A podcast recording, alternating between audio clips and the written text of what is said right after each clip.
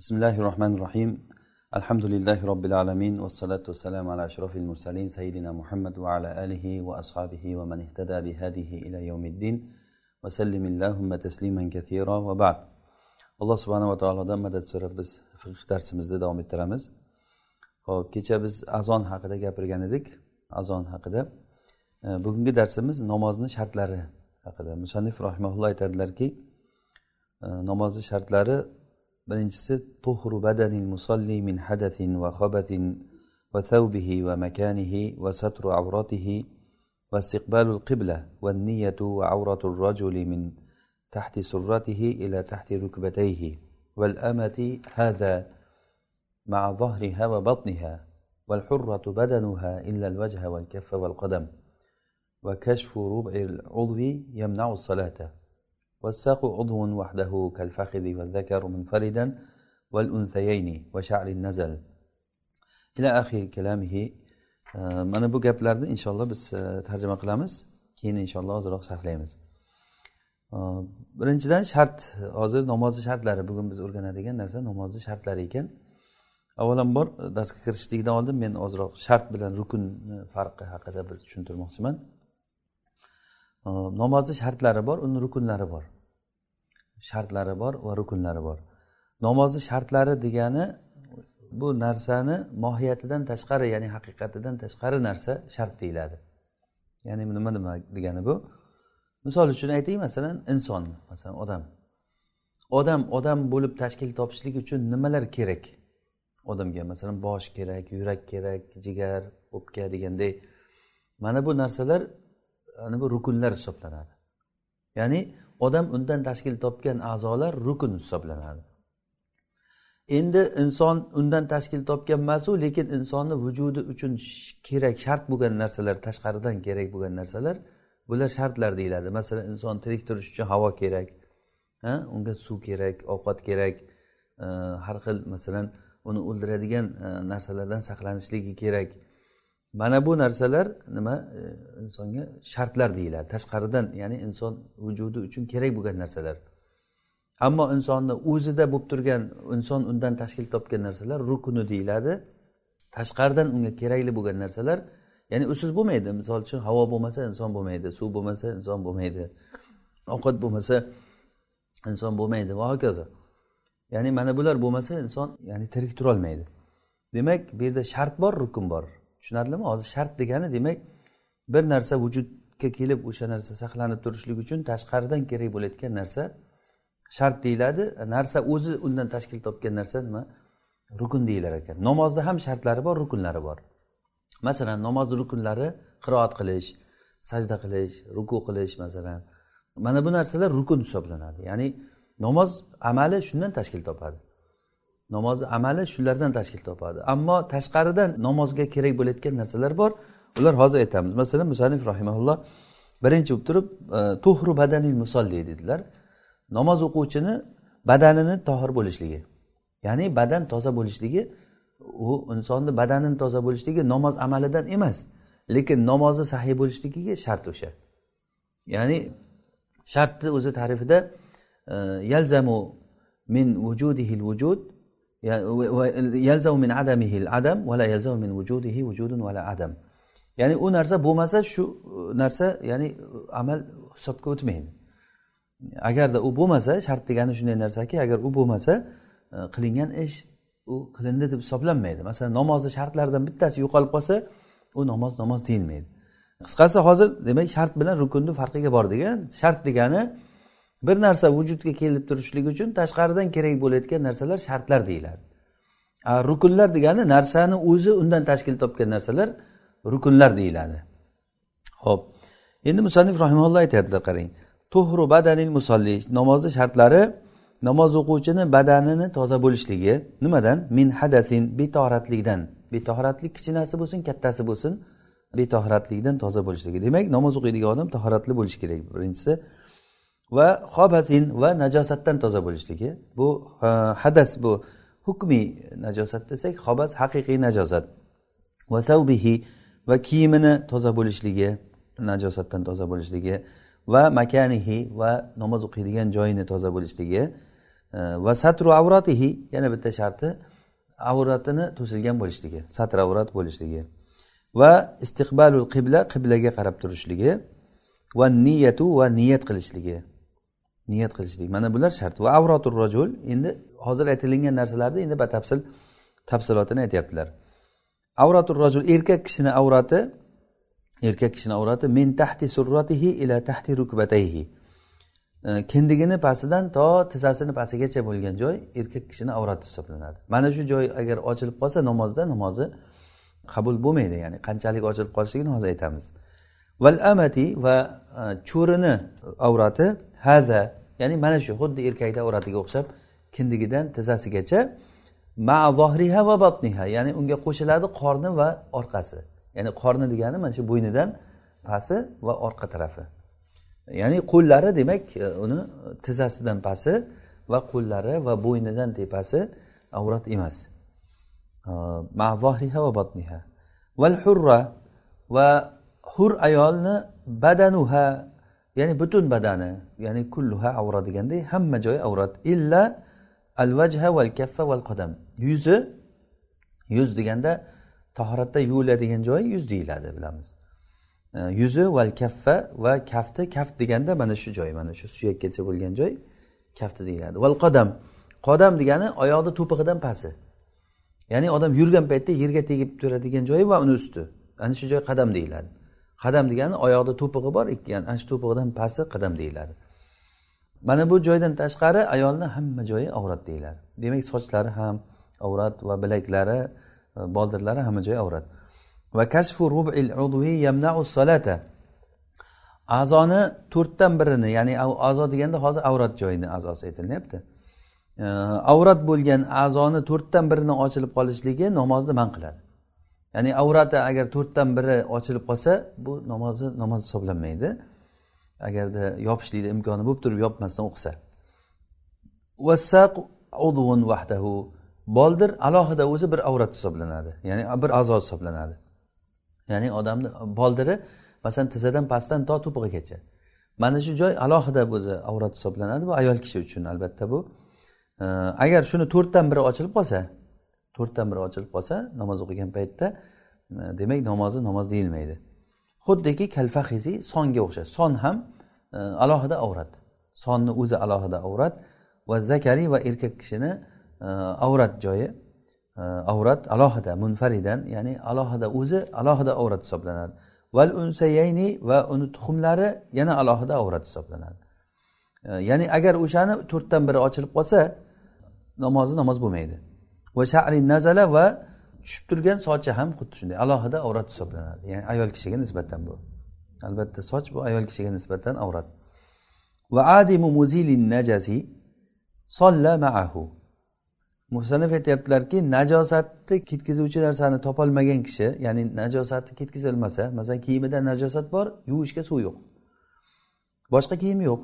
Masalan kiyib o'qishga boshqa kiyim safarda yurgan bo'lsa boshqa holatda bo'lsa najosatni ketkazishlikni imkoni yo'q bo'lgan kishi solla maahu shu najas kiyim bilan namoz o'qiveradi valam yuid e, namozini qaytadan o'qimaydi. Valam tajuz ariyan va rubu savbihi tohir e, musannif aytyaptilarki kiyimini to'rtdan biri toza bo'lib turgan holatda yalang'och holatda namoz o'qishligi joiz emas. Agar kiyimini to'rtdan biri pok bo'lsa kiyimini to'rtdan biri pok bo'lsa najosat bo'lsa ham agar to'rtdan biri pok bo'lsa yalang'och o'qishligi joiz emas. Vafi aqalla al afdalu mahu endi ozrog'ida bo'lsa ya'ni to'rtdan biridan kamrog'ida bo'layotgan bo'lsa ya'ni kamrog'i toza bo'lsa. Ya'ni to'rtdan birini kamrog'i tozada qolgan joyi hamma joyi najosat. Masalan mana kiyimni to'rtdan birini to'rtga bo'lingda o'shandan to'rtdan biridan ko'pi najosat kamrog'i oz bo'lsa o'shanda ham al afdol maahu afzali o'sha kiyimi bilan namoz o'qigani yaxshiroq. Chunki yalang'och o'qigandan ko'ra kiyimi bilan namoz o'qigani yaxshi. Va adimu savbi yajuzu solatuhu qoiman. Va kiyimi yo'q bo'lgan odam masalan yalang'och bo'lib qolgan odam e, uni namoz o'qishligi joiz bo'ladi qoiman. Turgan holatda namoz o'qishligi joiz bo'ladi. Va yundabu qoidan mumian. E, va mandub bo'ladi ya'ni mustahab bo'ladi. O'tirgan holatda mumian ishora qilgan holatda o'qishligi. Ya'ni ham o'tirib ishora qilib o'qisa o'sha yaxshiroq. Keyin endi bu boshqa masala. Va qiblatu xoifinil istiqbal jihatu qudratihi. Qiblaga qarashlikdan qo'rqadigan odamni qiblasi qudrati yetgan tomoni qibla bo'ladi. Ya'ni qayerga qarashlikka imkon bo'lsa o'sha. Ya'ni hozir qiblaga qarashlikni imkoniyati qo'rquvchi kishi degani qiblaga qarashlikdan qo'rquvchi odam degani e, masalan bir e, markabga minib ketayotgan bo'lsa qiblaga qarasa yiqilib ketadigan bo'lsa. O'shanday holatlarda ya'ni qiblaga qarashni imkoniyati yo'q bo'lgan joyda deganida bu. O'sha odam nima qiladi? Jihatu qudratihi qudrati yetgan tarafga qarab o'qiydi. Va in adima man ya'lamul qiblata taharro agarda qiblani bilayotgan odamni topolmasa kishi o'zicha o'zi chamalab qasd qiladi. Masalan qibla qayerdaligini o'ylaydi. Masalan sal tushunsa yulduzlarga qarab kechasi bo'lsa e, yoki boshqa bir quyoshni chiqishi botishiga qarab kunduzlari ya'ni o'zicha bir taxmin qilib bir tomonni ya'ni mo'ljallaydi ya'ni qibla qayerda ekan deb turib o'zi bir izlaydi odam. Valam yuid muxtiun taharro bal musibun lam yataharro qasd qilib xato qilib qo'ygan odam namozini keyin bilsa xato o'qigan. Masalan bir tomonni qarab namoz o'qidi keyin bilsa xato o'qigan ekan. O'sha odam namozini qaytadan o'qimaydi. Shu odam chunki u odam o'zini imkoniyatida bor bo'lgan ishni qildi. Balki qasd qilmasdan turib to'g'ri qilgan odam e, namozini qaytadan o'qiydi deyapti. E, bal musibun lam yataharro chunki bu odam qiblani qasd qilmadi ya'ni g'ofil holatda qibla qayoqda ekan degan xayoliga ham kelmasdan o'qib yubordi. Ya'ni qiblani qasd qilishlik demak bu namozni shartlaridan. Va in ro'yuhu musalliyan istadaro agarda namoz o'qib turgan holatida fikri o'zgarib qolsa aylanib oladi. Ya'ni bu degani namoz o'qib turgan joy holatida E, fikri o'zgarib qoldi. Masalan namoz o'qib turgan joyda qibla bu yoqda e, deb o'ylab qolsa o'sha fikri o'zgargan tomonga qarab aylanadi. Ya'ni qibla bu namozda turgan holatda o'zgarishlikni qabul qilayotgan narsa. Ya'ni namozda turibdi keyin o'yladi men xato o'qiyapman ekan adashib boshqaga qarab o'qiyapman ekan deb xayoliga kelib qolsa davom etaversa namoz buziladi. O'sha paytida e, o'sha shu holatida aylanib olish kerak. Qibla qayerda deb o'ylagan tomoniga aylanib olish kerak yoki bo'lmasa bir odam kelib turib uni ogohlantirsa namoz o'qib turgan joyda tashqaridan bir odam kelib turib e sen qiblaga qaramasdan boshqaga qarab namoz o'qiyapsan deb aytsa agar o'sha joyda o'zgarib aylanib olish kerak bo'ladi. Imomini tarafini bilmasligi zarar qilmaydi. Ya'ni imom qayoqqa qarab o'qiyapti? Uni bilmasligi zarar qilmaydi. U bilsaki imom uni oldida ekanligini bilsa bo'ldi. Ya'ni bilyaptiki imom uni oldida o'qiyapti ovozi yoqdan chiqyapti. Masalan kechqurun qorong'ida bir odamga iqtido qilyapti. Lekin imom qayoqqa qarab o'qiyotganligini bilmayapti u. Imom bu yoqqa qarab o'qiyapti bu iqtido qilgan odam bu yoqqa qarab turibdi. Imom buni oldidan mana qarab turibdi. Bu bilyaptiki imom oldida lekin qayoqqa qaraganligini bilmayapti. Bu zarari yo'q. Ya'ni muhimi imom uni orqasida emasligini bilsa bo'ldi. Orqasida imomni ovozi chiqib turgan bo'lsa u bo'lmaydi. Ya'ni imomdan oldin o'tib ketishligi zarar bo'ladi yani namoz buzadi. Laysa xolfahu bal taqaddumuhu balki imomdan o'tib ketishligi zarar qiladi.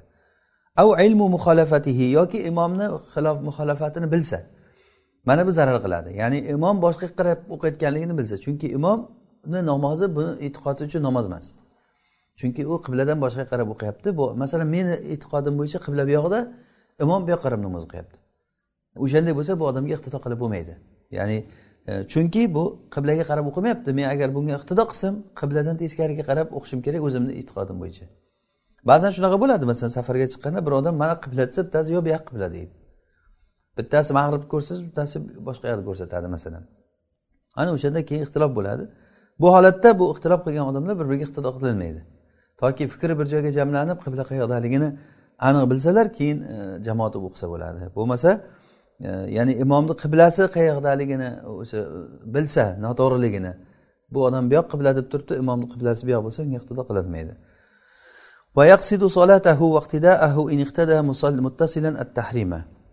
hop endi bu boshqa masala. Aytyaptilarki namozini qasd qiladi namozga kiradigan odam niyat qilishda ketyapti gap. Namozini va agar iqtido qilsa iqtido qilishligini qasd qiladi ya'ni ichidan o'tkazadiki men hozir namoz o'qimoqchiman. Va oldimda imomga iqtido qilyapman degan narsa xayolidan o'tishi kerak. Odam agar g'ofil holatda boshlaversa nima qilayotganligini bilmasdan e, bu amali hisobga o'tmaydi amal e, namozi namoz bo'lmaydi. Bu juda muhim narsa ya'ni namozda niyat eng muhim narsalardan. Qanday qilib niyat qiladi? Namozini qasd qilish kerak. Men namoz o'qiyapman degan narsa xayoliga kelishi kerak ya'ni niyatni joyi qalbda. Qalbidan o'tishi kerakki men namoz o'qiyapman vaqtida ahu iniqtada agarda iqtido qilsa imomga iqtido qilib o'qiyotgan bo'lsa iqtidosini niyat qilish kerak. Shu iqtido imomga hozir iqtido qildim deb.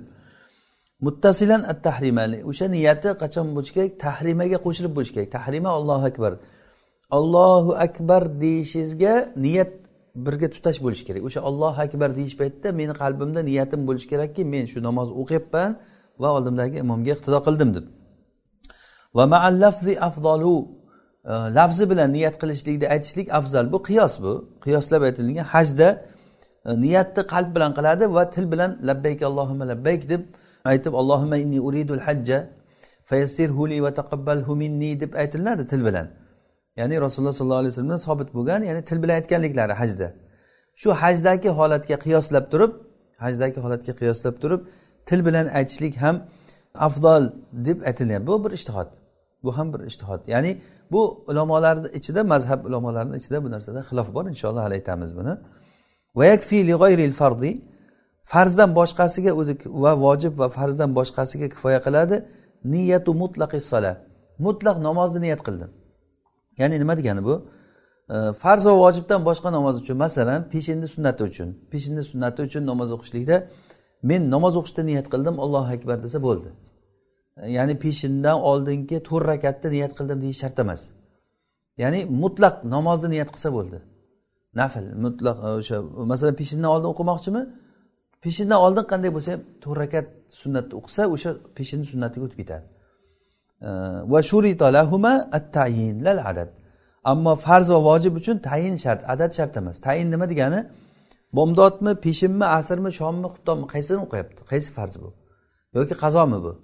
Ana shu tayin degani. Masalan men e, tilimda masalan asrda niyat qildimda qalbimda peshin qalbimdagi hisobga o'tadi mana bu tayin degani. Lekin adadi shart emas. Masalan peshinni niyat qildim allohu akbar desam bo'ldi to'rt rakat deyishim shart emas. Masalan tili bilan xato aytsam men peshinni olti rakat o'qishni niyat qildim allohu akbar deyorsa adashib bir odam o'sha olti rakat degan gapi ham u o'tmaydi hisobga o'tmaydida peshin peshin bo'lib ketaveradi. Chunki alloh taolo bomdodni ikki rakat vojib qilgan farz qilgan peshinni to'rt rakat asrni to'rt rakat va hokazo. Mana shu namozlarni inson ya'ni shariat belgilab qo'ygan narsani odam o'zgartira olmaydi. Shariat uni adadini sonini belgilab qo'ydimi uni inson o'zgartira olmaydi. Demak farz va vojiblar uchun tayin qilishlik shart tayinni tushundik nimaligini. Ya'ni boshqa namozlardan uni ajratib aytishlik. Masalan peshin o'qimoqchimanmi? Meni qalbimdan o'tishi kerakki men peshin namozini farzini o'qiyapman degan. Ana shu tayin degani. Allohu alam. Endi bu hozir e, aytganlarimizni ozroq qisqacha sharhlab o'tamiz. Ho'p musallif rahimalloh nima dedilar? Tuhru badanil musolli birinchi namozni shartlari. Biz shart bilan rukunni farqiga bordik a yana takrorlab ozroq takrorlab qo'yay. Shart degani narsaga tashqaridan shart bo'lib turayotgan narsa. Mana bu shart bo'ladi. Rukun degani narsani o'zi undan tashkil topgan narsa. Masalan insondagi rukun uni a'zolari insondagi shartlari inson hayot bo'lib turishligi uchun kerak bo'lgan narsalar. Namoz namoz bo'lib turishligi uchun kerak tashqaridan kerak bo'lib turayotgan narsalar birinchisi nima ekan? E, namoz o'quvchini badanini toza bo'lishligi tohir bo'lishligi. E, badanini toza bo'lishligi. Birinchi badandan boshladi chunki insondagi eng yaqin narsa o'zini badani. Undan keyin kiyimi undan keyin e, joyi mana shunday qilib shu tartib bilan aytyaptilar. Hadasdan ya'ni betohoratlikdan toza bo'lishlik kerak. Rasululloh sollallohu alayhi vasallam aytganlar la solata liman la vudu alahu la yaqballohu solata ahadikum ida ahdatha hatta yatavaddo rasululloh sollallohu alayhi vasallam aytganlarki sizlarni bittalaring agar tohratini sindirsa tohorat qilmaguncha namozi namoz bo'lmaydi olloh qabul qilmaydi. Betohorat odamni namozi namoz bo'lmaydi. Namoz o'qimadi hisob. Betohorat odam namoz o'qisa go'yoki namoz o'qimadi hisob bo'ladi. Shu hadis bilan ya'ni rasululloh sollallohu alayhi vasallam aytyaptilarki agarda kishi betohrat bo'lsa tohrat qilmaguncha namozi namoz bo'lmaydi. Har qancha ming minglab rakat namoz o'qisa ham namozi qabul bo'lmaydi. Bu ibodat bu. Ibodatni sharti mana shu e, dalil bilan bilinadi. Bu albatta qat'iy dalillar bilan e, bilingan narsalar bular hammasi dalillari. Ya'ni bunda xilof yo'q. Ya'ni betohrat odamni namozi namoz bo'lishligida xilof yo'q bunda. Illoki e, e, ya'ni tahorat qilishlikka hech narsa topolmay qolsa. Tahorat qilishlikka masalan suv yo'q. Tayammum qilishlikka tuproq yo'q. Tayammum qilishlikka tuproq yo'q. Ya'ni hamma joy loy e, hamma joy loy bo'lib turibdi. Tahorat qilay desak suv yoki bo'lmasa masalan bir odam qorda yuribdi. Tayammum qilay desa qor hamma joy tahorat qilay desa sovuq. Yoki masalan junub bo'lib qolgan yuvinib g'usul qilishlikni iloji yo'q. Nima qiladi o'sha odam? G'usul qilishlik iloji yo'q tayammum qilay desa tuproq yo'q hamma joy qor chang yo'q. Ana o'shanday holatda nima qiladi? Buxoriy rahimaulloh sahihlarida e, ikkita tohurni yo'qotgan odamni namozi degan bob ajratgan. Bobu faqidu tohurayn. Ikkita tohur ya'ni suv bilan tuproq. Ikkovsi ham yo'q bo'lsa nima qiladi? Masalan kosmik kemasida fazoda uchib yurgan odam masalan suv yo'q bo'lsa tuproq yo'q nima qiladi? O'sha odam niyat qilib turib o'qiveradi degan. Ya'ni alloh subhanava taolo insonni E, toqatidan tashqari narsani yuklamaydi. Demak bu hadisda hozir e, imkon bo'lib turgan. Endi bu holat nodir holat judayam ya'ni men hozir aytgan misol nodir holat. Nodir degani juda kamdan kam. Inson hayotida ba'zi bir odamlarga umrida bir marta ham uchramaydigan masalalar bular. Shuning uchun u masala haqida gapirmaymiz. E, demak tohratlik bo'lishligi shart va betohratlikdan toza bo'lishi kerak. Betohratligi ham tohrat ham g'usul holatida bo'lsa va hobasin va najosatdan toza bo'lishlik kerak badani. Badani najosatdan toza bo'lishi kerak va kiyimi najosatdan toza bo'lishi kerak. Alloh taolo qur'onda vasiyabaka fatohir degan kiyimingni poklagin degan. Demak bu namozda kiyimni poklashlik kiyim poklashlik vojib bo'layotgan bo'lsa badan bilan joy kiyimdan ham ko'ra avlaroq bo'ladi. O'shandan ulamolar aytishadiki e, ya'ni badani bilan insonni kiyim e, nimasi? Joyi undan ko'ra avlaroq nima uchun? Chunki kiyimsiz namoz bo'ladi lekin badansiz joysiz namoz bo'lmaydi. Ya'ni insonga doim lozim mulozamat lozim tutganda insonni joyi bilan namoz o'qiyotgan joyi bilan badani ya'ni kiyimidan ko'ra insonga yaqinroq. Yo'q kiyimidan joyidan ko'ra kiyimi yaqinku deyishingiz mumkin. Yo'q unaqa emas. Chunki kiyimni yechib tashlasa bo'ladi joysiz joysiz namoz o'qilmaydi odam. Ya'ni qayerdadir bo'ladi baribir odam. O'sha uchun vasiyabaka fatohir deganda kiyim haqida oyatda kelsa demak undan bu dalolat dalolati bilan chiqadi bu qiyasul avlo deyiladi. Ya'ni odamni badani va e, joyini toza bo'lishligi batariqa avlo degani. Batariqa avlo toza bo'lishligi kerak. Keyin yana namoz o'qishlik bu alloh taologa munojat qilishlik bu. Olloh bilan gaplashyapti odam. Olloh bilan gaplashadigan odam e, demak albatta pok bo'lishlik kerak bo'ladi. Keyin Э, satr avratlik bo'lishligi deyilindi. Avrati satr bo'lishligi. Alloh taolo qur'onda aytadiki hudu zinatakum inda kulli masjid ya'ni har namozda ziynatlaringni oyla mana bu э, ulamolar shuni э, namoz o'qishlikda kiyim satr avrat qilishlikka deb tushunishgan buni. Yoki rasululloh sollallohu alayhi vasallam aytganlarki la iqbalullohu solata haidin illa bi ximar alloh taolo balog'atga yetgan ayol kishini namozini himorsiz ya'ni uni choyshabsiz ustidan yopiladigan e, o'sha kiyimi hijobsiz qabul qilmaydi. Hijobsiz qabul qilmaydi degan. Demak ayol kishi namoz o'qigan paytda albatta to'siqda bo'lishlik kerak avrati to'silgan bo'lishi kerak. Bu odamlar uchun emas bu ibodat uchun bu. Hattoki hech kim ko'rmaydigan holatda qorong'i uyda bir o'zi o'tirsa ham odam avrati to'silgan bo'lishi kerak. Ayol kishi bo'lsa ham e, erkak kishi bo'lsa ham avrati to'silgan bo'lishi kerak. Mana bu ibodat bu. Ya'ni biz buni yaxshi tushunishimiz kerakki bu namoz ibodat bu. Alloh taolo qanday buyurgan bo'lsa o'shanday qilamiz. Olloh qil degan vaqtida qilamiz qilma degan vaqtida qilmaymiz va nimalarni shart qilgan bo'lsa o'shalar bilan qilsak qabul bo'ladi bu ish. Agar o'shalarsiz bo'lsa har qancha ko'p bo'lsa ham olloh qabul qilmaydi.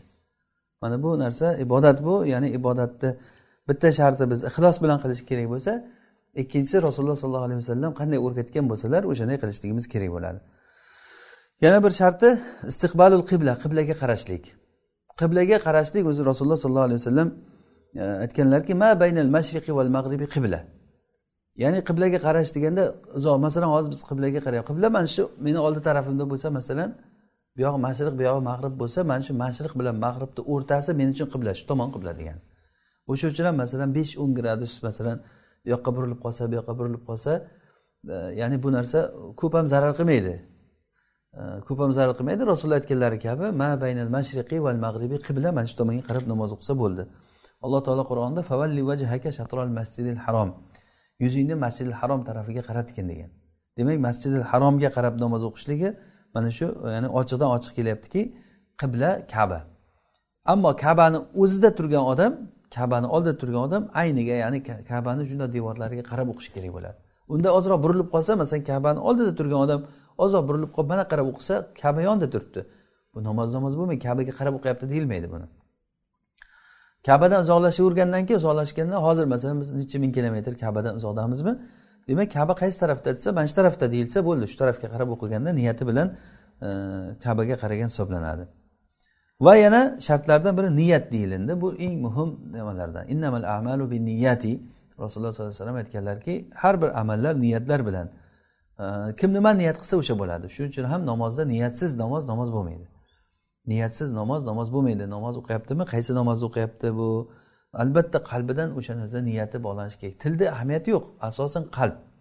Inson qalbida nima o'tsa o'sha bo'ladi. Alloh taolo qur'onda aytganki vama umiru illa liyabudulloha muxlisina lahuddin.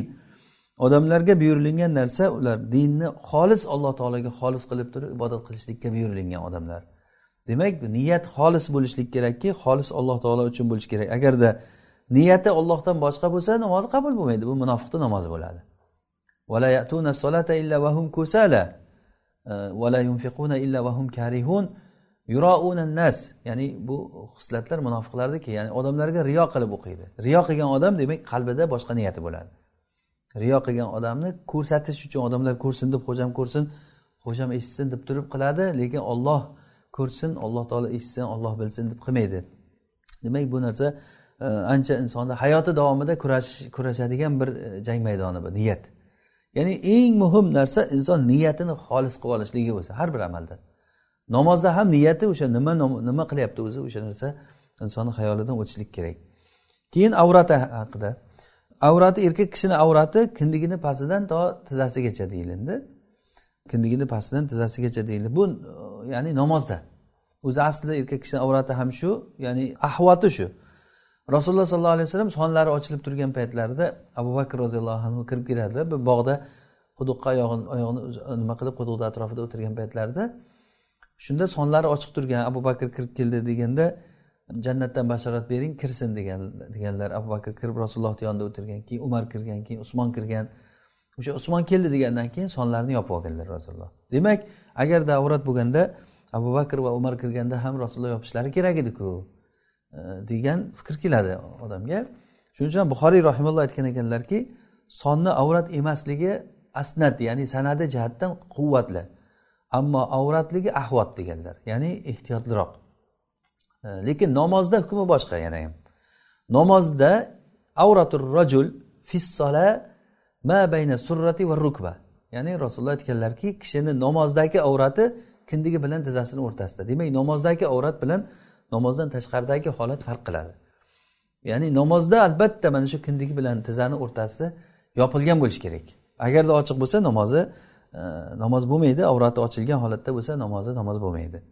Ya'ni erkak kishini avrati shu ayollardan ayollar ikki xil bo'ladi. Cho'rini avrati boshqacha cho'rini avrati boshqacha erkaklarda hur bilan qulniki bir xil avrati hur erkak bilan qul erkakni avrati bir xil. Ammo ayollarda cho'ri ayollarni avrati xuddi erkak kishinikiday kindik bilan tizzani o'rtasida va yana unga qo'shiladi oldi tarafi qorni tarafi va orqa tarafi. Ya'ni bo'ynidan bo'ynidan pasti mana bu qo'li qo'li va bo'yni buyog'i tizzasigacha. Mana shu joyi cho'rilarniki avrati hisoblanadi. Namoz o'qiganda ham demak demak ana shu cho'rini avrati shu hisoblanadi. Namoz o'qib turgan paytda e, cho'rini avrati shu. Ho'p hur ayolni e, avrati hurniki hamma joyi avrat deyilindi. Ya'ni rasululloh sollallohu alayhi vasallam aytganlarki al maratu avra. Ya'ni ayol kishi o'zi avrat deganlar ayol kishi avrat illo uni yuzi va kafti va qadami bunda xilof bor ulamolar o'rtasida. Ya'ni ayol kishini yuzi avratmi avrat emasmi deganda abu hanifa rahimaulloh fitna bo'lsa ayol kishini yuzi avratga hisoblanadi. Bu ham namozdan tashqarida. Ammo namoz uchun yuzi avrat emas.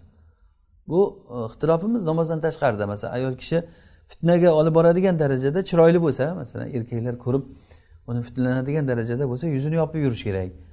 Ammo fitnalanadigan bo'lmasa e, fitna bo'lmaydigan holat bo'layotgan bo'lsa yuzi avrat emas. Hozir bizniki namoz holatida demak yuz va kaf va qadam mana bular avrat emas. Bu albatta ulamolar o'rtasidagi ixtilofli masala. Yuzni yopishlik vojibmi yoki sunnatmi? Sunnatligida afzalligida ixtilof yo'q. Ammo u vojibmi vojib emasmi? Gap shunda. Umi salama onamizdan rivoyat qilgan hadisda aytgan ekanlarki men rasululloh sollallohu alayhi vasallamdan so'radimki ayol kishi e, o'zini hijobi bilan namoz o'qisa bitta hijob bilan namoz o'qisa bo'ladimi deganda rasululloh aytgan ekanlarki agarda bu hamma joylarni qadamlari bilan hamma joyini to'sib turgan bo'lsa e, bo'ladi deganlar rasululloh sollallohu alayhi vasallam. Endi bu kaft inson zarurati uchun ochilib qoladigan narsa. Ya'ni kaftni ham yopishlik deganda ayol kishiga juda katta bir e, haraj ya'ni qiyinchilik tug'diradi va e, oyog'ida ham ilgarilari paypoqlari bo'lmagan o'zi sahobalar davrida. Kam bo'lgan bunaqangi oyoqqa kiyib yurayotgan narsalar ham issiq o'lka bo'lgan. Odatda o'zi yalang oyoq yurilgan yoki oyoqlarga bir shippak kiyib yurilgan. O'shanday bo'lganda oyoqlar ochilib yurishligi bo'lgan ko'p. Vallohu alam ya'ni bu masala albatta ixtilofli masala. Lekin ayol kishini namozdagi avrati mana shu yuzi yuzi va qo'li e, va ikkita qodami. Mana shundan tashqari hamma joyi yopiq bo'lishi kerak. Agar bu ochilgan holatda namoz o'qisa namozi namoz bo'lmaydi. Endi qanchasi ochilib qolsa bo'lmaydi buni hozir aytamiz. Endi o'shaga keldik. Va kashfu rubil udvi yamnau as-sola a'zoni to'rtdan birini ochilib qolishligi namozni man qiladi dedilar. Demak to'rtdan birini ochilib a'zo deganda mana hozir e, nima boldir alohida bir a'zo deyilindi e, son alohida. Bu boldir e, ayollarga xos bu. Ya'ni chunki erkak kishini o'zi tizzadan past avrat emas o'zi. Endi avrati yopiq bo'lgan holatda namoz o'qisa bo'ladi lekin namozni asosiy nimasi? Xushu huzu bilan. Ya'ni erkak kishi ham avrati faqat avratini yopib yalang'och holatda namoz o'qisa bu karohiyat holati bo'ladi. Ya'ni kiyimi bo'lib turib yalang'och namoz o'qisa yoki mayka bilan namoz o'qisa masalan ichki kiyim bilan namoz o'qisa masalan e, bu holatlarda ya'ni inson alloh taoloni oldida turganligini e, xayolidan o'tkazishlik kerak. Demak a'zolar o'sha son e, yoki boldir yoki erkak kishini avrati masalan oldi tomoni yoki nimalari boshqa a'zolari ham hammasi alohida alohida. Ya'ni har bir a'zoni ismi borki o'sha ismi alohida avrat e, a'zo hisoblanadi. O'sha ismi masalan son alohida aytilindimi? Demak son alohida o'zi va e, oldi avrati alohida va hokazo xuddi shunday e, shuni to'rtdan biri ochilib qolsa namozi namoz bo'lmaydi. To'rtdan biri degan narsa qayerdan keldi? To'rtdan biri degan narsa shariatda to'rtdan biri kul hammasini o'rnida turadi ba'zi joylarda. Masalan boshga mas tortgan paytda to'rtdan biriga mas tortishlik hamma joyga mas tortishlik e, hisoblandi. Demak to'rtdan biri degani e, demak a'zoni ham to'rtdan biri ochilib qoldi degani bu to'sishlikni iloji bo'lib turib to'smasa hamma joyi ochilib qoldi degan narsani beradi. Xuddiki avrati ochilib namoz o'qigan bo'ladi namozi namoz bo'lmaydi. Va osilib turgan soch ham xuddi shunday ayol kishiga nisbatan bu ham. Ayol kishini sochi ochilib qolsa bunga ham e'tibor berish kerak ko'pincha ayollar namoz o'qiganda ro'mol o'raganda ro'molni orqasidan masalan sochi uzun bo'lsa sochi chiqib qolishligi mumkin yoki oldi tarafidan sochi chiqib qolishligi mumkin. Agar sochini to'rtdan biri ochilib qolsa ya'ni kattaligi to'rtdan biri darajasida soch ochilib qolsa demak uni namozi namoz bo'lmaydi. Keyin e, yana bitta qo'shimcha narsa bu avrat masalasida. Avrat ikkiga bo'linadi. Avrati g'oliza bor hafifa bor. Ya'ni qo'pol avrat bunday tarjima qilsak agar e, va uncha e, xaf yengil avrat. Ya'ni g'aliza va hafifa e, insonni oldi avrati orqa e, avrati mana bular g'alizaga kiradi. Ya'ni savatayn deyiladi. Ya'ni ya'ni insonni e, o'sha hojat chiqaradigan joylari mana bu g'aliza ya'ni avratlari hisoblanadi. Hafifa degani bundan boshqa joylar. Masalan son hafifaga kiradi masalan. Yoki ayol kishini boldiri masalan. Yoki soni masalan hafifa avratga kiradi va hokazo hafifaga kiradi. Mana shu uni bilib oldik hozir hafifa va g'alizaga va adimu muzilin najis ya'ni najosatni ketkazuvchini topolmagan kishi najosatni ketkazuvchi narsa masalan suv yo'q kiyimida najos tegan suv yo'q yuvishga o'sha odam nima qiladi? Solla maahu shu bilan birga kiyimi bilan namoz o'qiveradi namozini qaytadan o'qimaydi. Ya'ni namoz agarda keyin vaqtida keyin kiyimini toza kiyim topib olsa namozni qaytadan o'qimaydi. Nima uchun?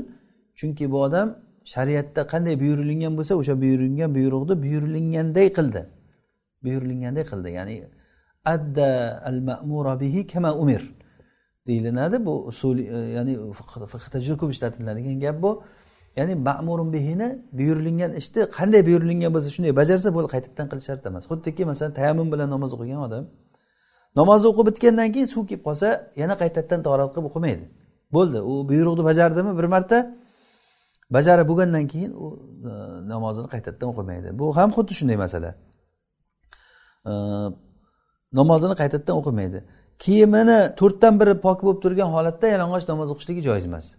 Bu zarurat holatida ya'ni ixtiyor holatida ya'ni insonda imkoni bor bo'lgan paytda to'rtdan biridan kami agar najosat bo'lsa bu namoz qabul bo'lmasdi.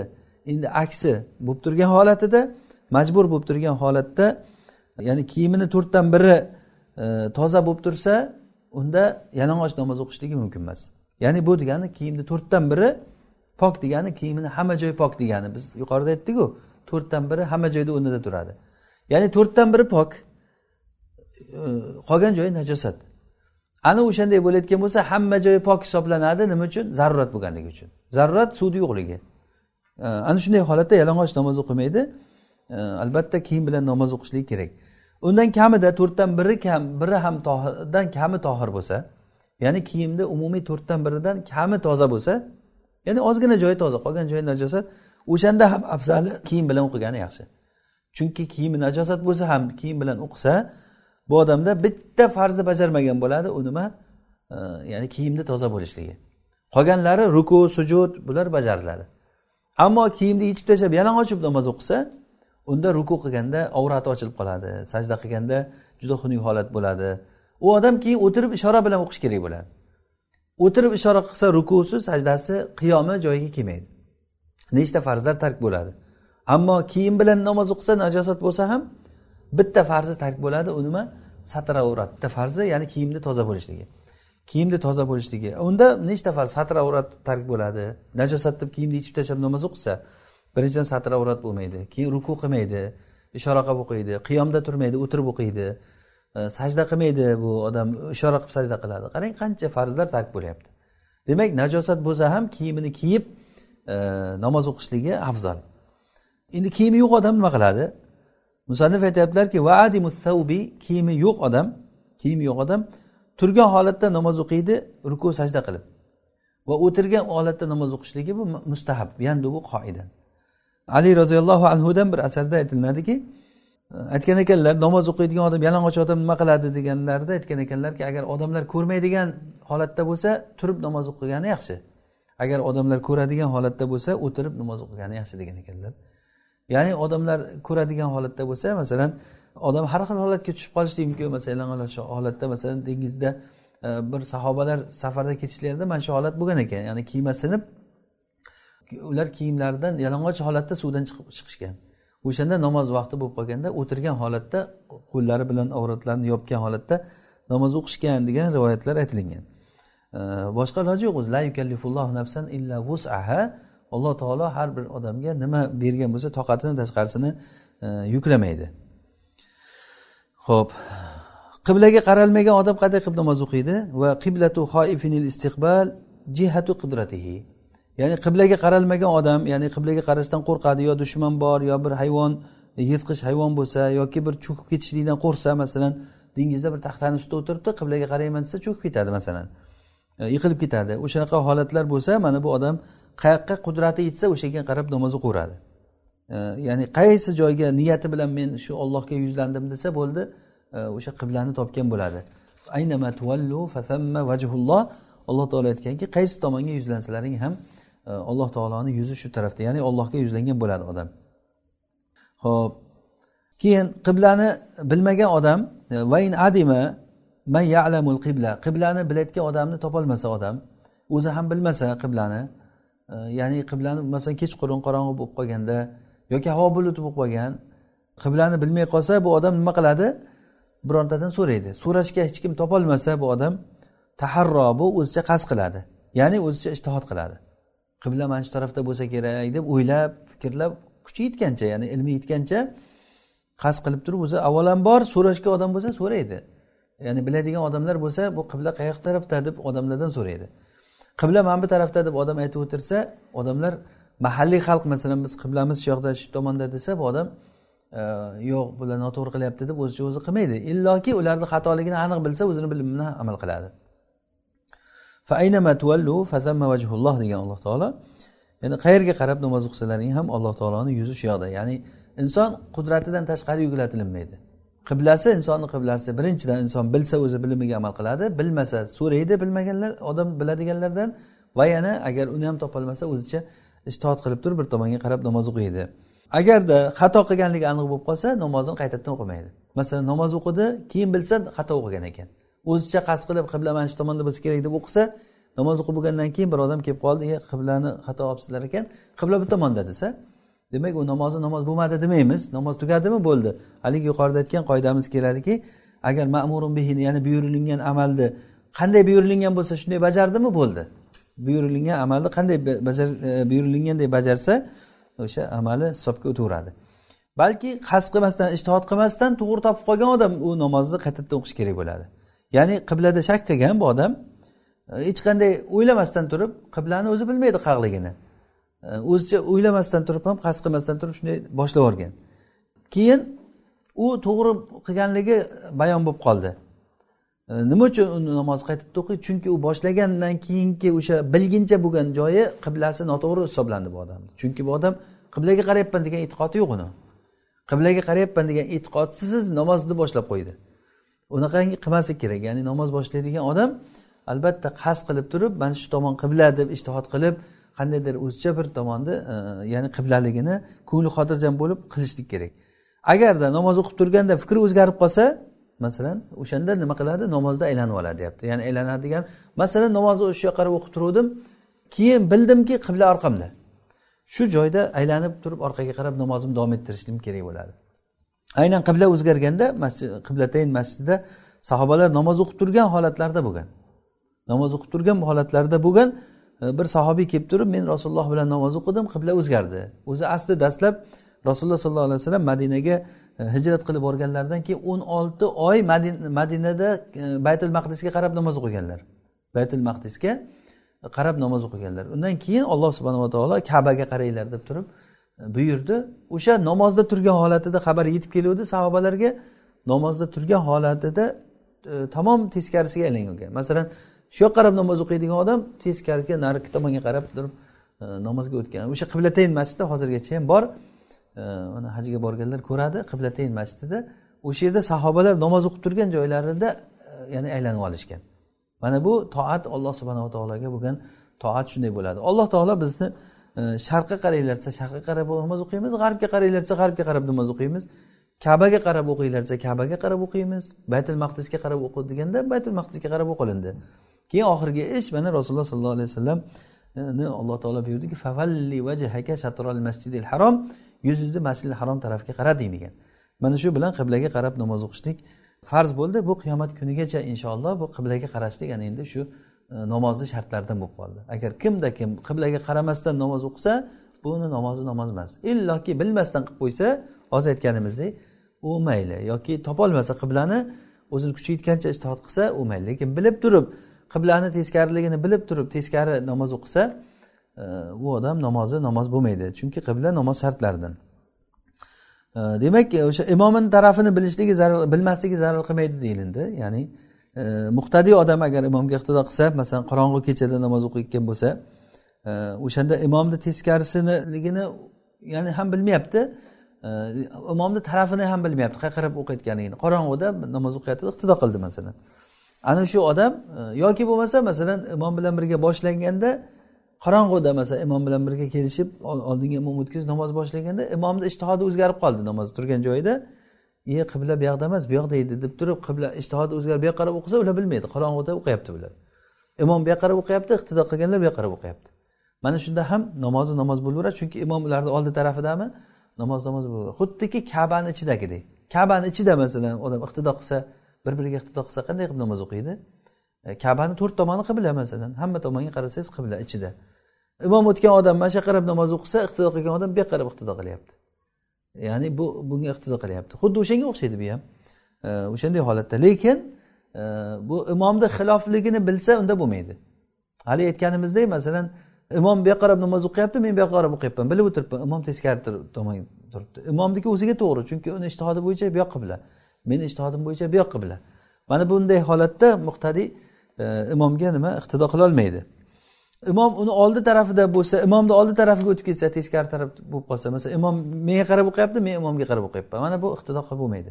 Chunki imomdan oldinga o'tib ketishligi e, zarar qiladi. Namozni buzadi. Ya'ni imom o'sha oldinga o'tishlik uchun o'zi imom bo'ldi. Unga ergashishlik uchun imom bo'ldi. E, ya'ni imom unga iqtido qilinishligi uchun imom qilingan. Imomdan oldinga o'tib ketib ham amalda ham ham rutbada joyda ham imomdan oldinga o'tib ketib bo'lmaydi. Ho'p keyin oxirgi nimamiz? Niyat haqida. Solatahu e, namozini qasd qiladi. Agar namoz o'qimoqchi bo'lsa kishi va agar muqtadiy bo'lib iqtido qilgan bo'lsa e, ya'ni iqtido qilinganda tahrima bilan birga qo'shib niyat qasd qiladi. Ya'ni qanday qiladi? Men namoz o'qimoqchi bo'lgan paytimda ollohu akbar deyishligim paytida qalbimda o'tishi kerakki nima namoz o'qiyapman e, va iqtido qilyapman imomga. Mana shu narsa qalbda o'tishi kerak. Agar qalbida niyati boshqa bo'lsa u namozi namoz bo'lmaydi. Masalan qalbida bomdod o'qiyapman dedi tilida peshinda aytdi. Qaysiga o'tadi? Tilidagi o'tadimi qalbidagi o'tadimi? Albatta qalbidagi o'tadi. Chunki niyatni joyi qalb. Niyatu mahalluhal qalb. Ulamolar aytishadiki niyatni joyi qalbda inson qalbida nimani o'tkazsa o'sha bo'ladi. Innamal amalu e, bin niyati demak mana shu holatda o'sha ya'ni shunga muttasilan bit tahrima degani tahrima bilan birga bo'lishi kerak. Masalan peshin namozini o'qishga men torat qildim peshin o'qimoqchiman hozir? Keyin peshin o'qishlikka turdim keldim. O'sha tahrima aytish paytida menda niyat bo'lishi kerakda. O'sha paytidagi niyat meniki hisob bo'ladi. Agar u paytida men g'ofil holatda boshlab yuborsam masalan ko'pincha odam nima qilayotganini bilmaydi. Amallar o'rganish bo'lib qolganligi uchun o'rganish bo'lib qolganligi uchun keyin bir qarasa namozni ham tugatgan bo'ladi odam. Ya'ni bunaqangi amal e, amal hisoblanmaydi bu. Inson o'zini ichidagi o'tgan narsasini o'zi yaxshi biladi. Shuning uchun ham namozda innamal amalu bin niyati namozda niyatlarsiz amal amal bo'lmaydi. E, bunga e'tibor qaratish kerak. Ya'ni niyat ustida ancha ishlash kerak bo'ladi. Niyatda ya'ni namoz o'qiyotganligini insonni qalbidan o'tishlik kerak. Tamom keyin farz va vojiblardan boshqalarida faqat mutlaq nimani niyat qilsa bo'ladi deyilindi. Farz va vojibda masalan niyat e, mutlaqi sola. Namoz mutlaq namozni niyat qilishlik bo'ladi. Ya'ni e, masalan peshindan oldin sunnat o'qimoqchiman men. O'shanda peshindan oldingi to'rt rakat sunnat degan narsani niyat qilish shart emas. Ya'ni qalbdan o'tkazishlik. Namoz o'qishni niyat qildim allohu akbar desa bo'ldi deyilyapti. Chunki bu nafl bo'lgandan keyin bu hammasi namoz bo'lsa bo'ldi. Ammo farz va vojib bo'lsa unda tayin shart. Tayin degani nima dedik? Tayin degani uni qaysi namoz ekanligini tayin qilishlik kerak. Masalan peshinmi asrmi? Shuni tayin qilishlik kerak. Agarda asr deb turib peshinni niyat qilib yuborsa qalbida nima niyat qilgan bo'lsa o'shanga o'tadi. Masalan bir odam asr paytida asr o'qiyapti. Asr namozini o'qishlikni niyat qildim deb tili bilan aytdi lekin qalbida peshin. O'shanday bo'layotgan bo'lsa u peshinga o'tadi yana qaytadan o'qish kerak asr o'qish kerak bu odam. Chunki niyatsiz bo'lib qoldi niyatsiz bo'lgan amal e, amal hisobiga o'tmaydi. Til bilan aytishlik e, afzal deb aytilindi. Bu ba'zi mashoyihlar buni e, bidat bidat ham deyishgan ya'ni til bilan aytishlikda bu shariatda yo'q degan. Ba'zi mashoyihlar buni qiyos ya'ni hajga qiyoslab turib hajda til bilan aytilinadiku qalb bilan qilgandan keyin allohimma inni uridul hajja fayassirhu va taqabbalhu minni labbayk allohimma labbayk deb aytilinadi. Allohu alam ya'ni mana shu narsada ixtilof bor. Lekin aslida o'zi niyatni joyi qalb. Qalbniki mo'tabar ya'ni qalb nimani aytgan bo'lsa insonniki amali o'sha narsaga o'tadi. Allohu alam. Shu bilan namozni hozir e, shartlarini tugatgan bo'ldik.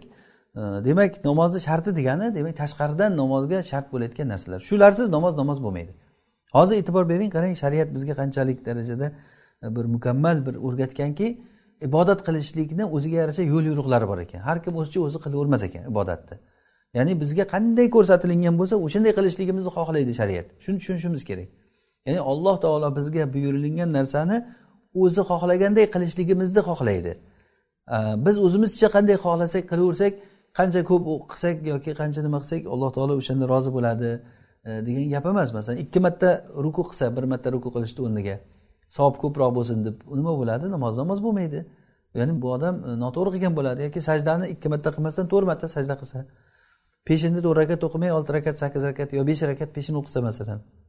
Bir rakat qo'shib qo'ydim ziyoda bo'lsa vaqtim bor bekorga ham o'tiribman deb. Masalan o'shanda demak bu narsalar shariatimizda e, bu narsa xohlamagan alloh taolo. Alloh taolo bizdan xohlagan narsa buyurilganday qilishligini xohlaydi. Mana bu fiqh bizga shu narsani o'rgatadi.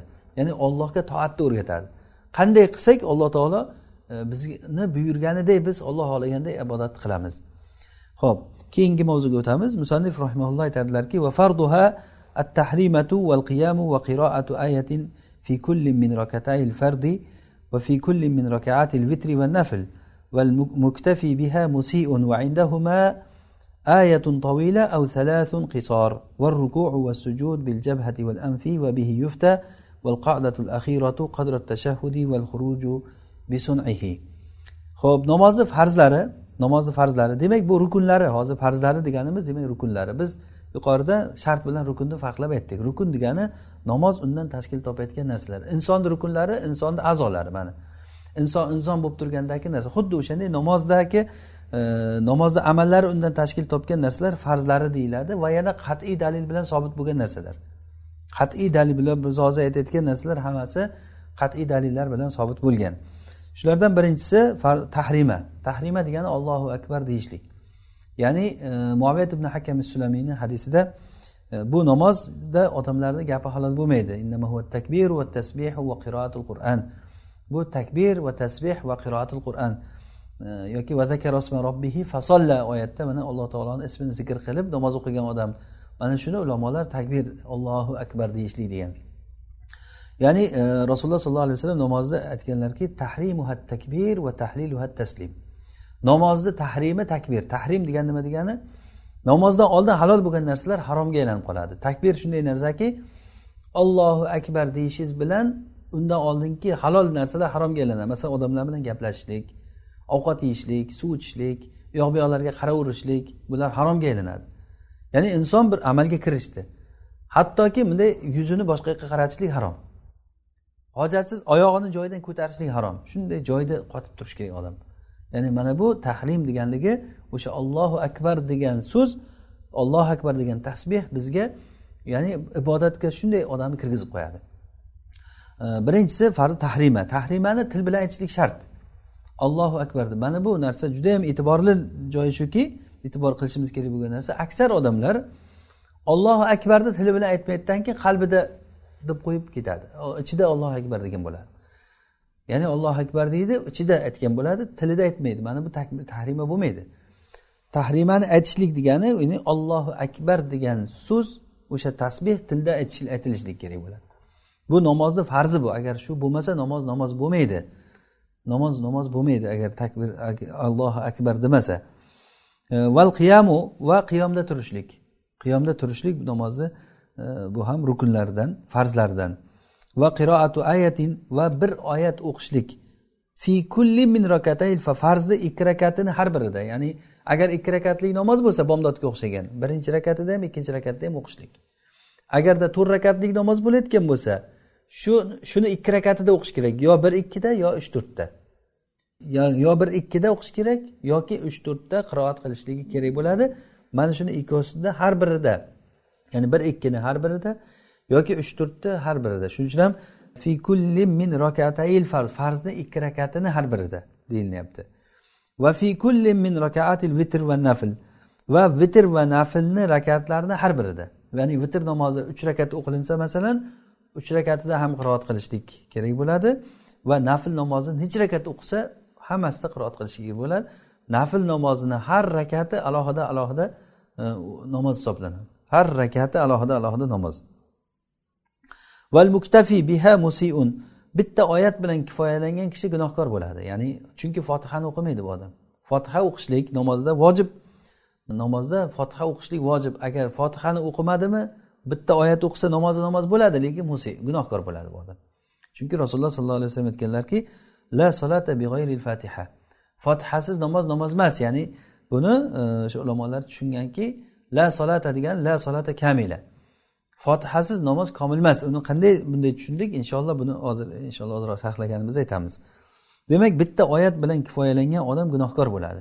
Nima uchun gunohkor bo'lar ekan? Chunki u fotihani tark qilganligi uchun. Va indahuma sohiba inda indahuma degani inda abi yusuf va inda muhammad. Abu yusuf va muhammad rahimahumulloh bu kishilar aytishganki ularda ayatun tovila bir bitta uzun oyat o'qish kerak av salasun qisor uchta qisqa oyat o'qish kerak. Chunki busiz o'zi qiroat qiroat deyilmaydi. Ya'ni eng kami qiroat yo uzun oyat o'qish kerak bitta masalan val asr bu qiroat emas deyishgan. Qachon qiroat deyiladi? Val asr innal insana lafi xusr deb uchta uchta kichkina kichkina oyatlarni o'qisa masalan ar rohman allamal qur'an xalaqal inson allamahul bayan ana bu qiroat qildi deyiladi buni.